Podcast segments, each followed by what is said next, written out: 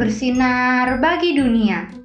Renungan tanggal 19 Agustus untuk anak balita sampai kelas 1 SD. Tuhan menyediakan dari kejadian 22 ayat 14a. Dan Abraham menamai tempat itu Tuhan menyediakan.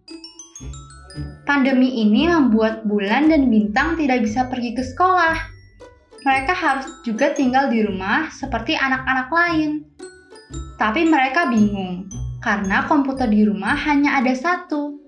Mentari malam itu pun berdoa karena melihat Kak Bulan dan Kak Bintang bergantian menggunakan komputer setiap hari untuk belajar online. Tuhan Yesus, terima kasih kakak-kakakku masih bisa belajar, walaupun tidak ke sekolah. Tapi mereka perlu komputer untuk bisa belajar ya Tuhan, tolong berikan. Malam itu, Papa berdoa bersama anak-anak. Terima kasih Tuhan Yesus, karena Papa bisa membeli satu komputer lagi untuk kakak-kakak belajar online di rumah. Selesai berdoa, Mentari berteriak, Hore! Tuhan mendengar doaku. Akhirnya Tuhan beri yang kakak-kakak perlukan. Adik-adik, apalagi ya yang diperlukan selama belajar online? Apakah laptop, komputer, buku, atau alat tulis?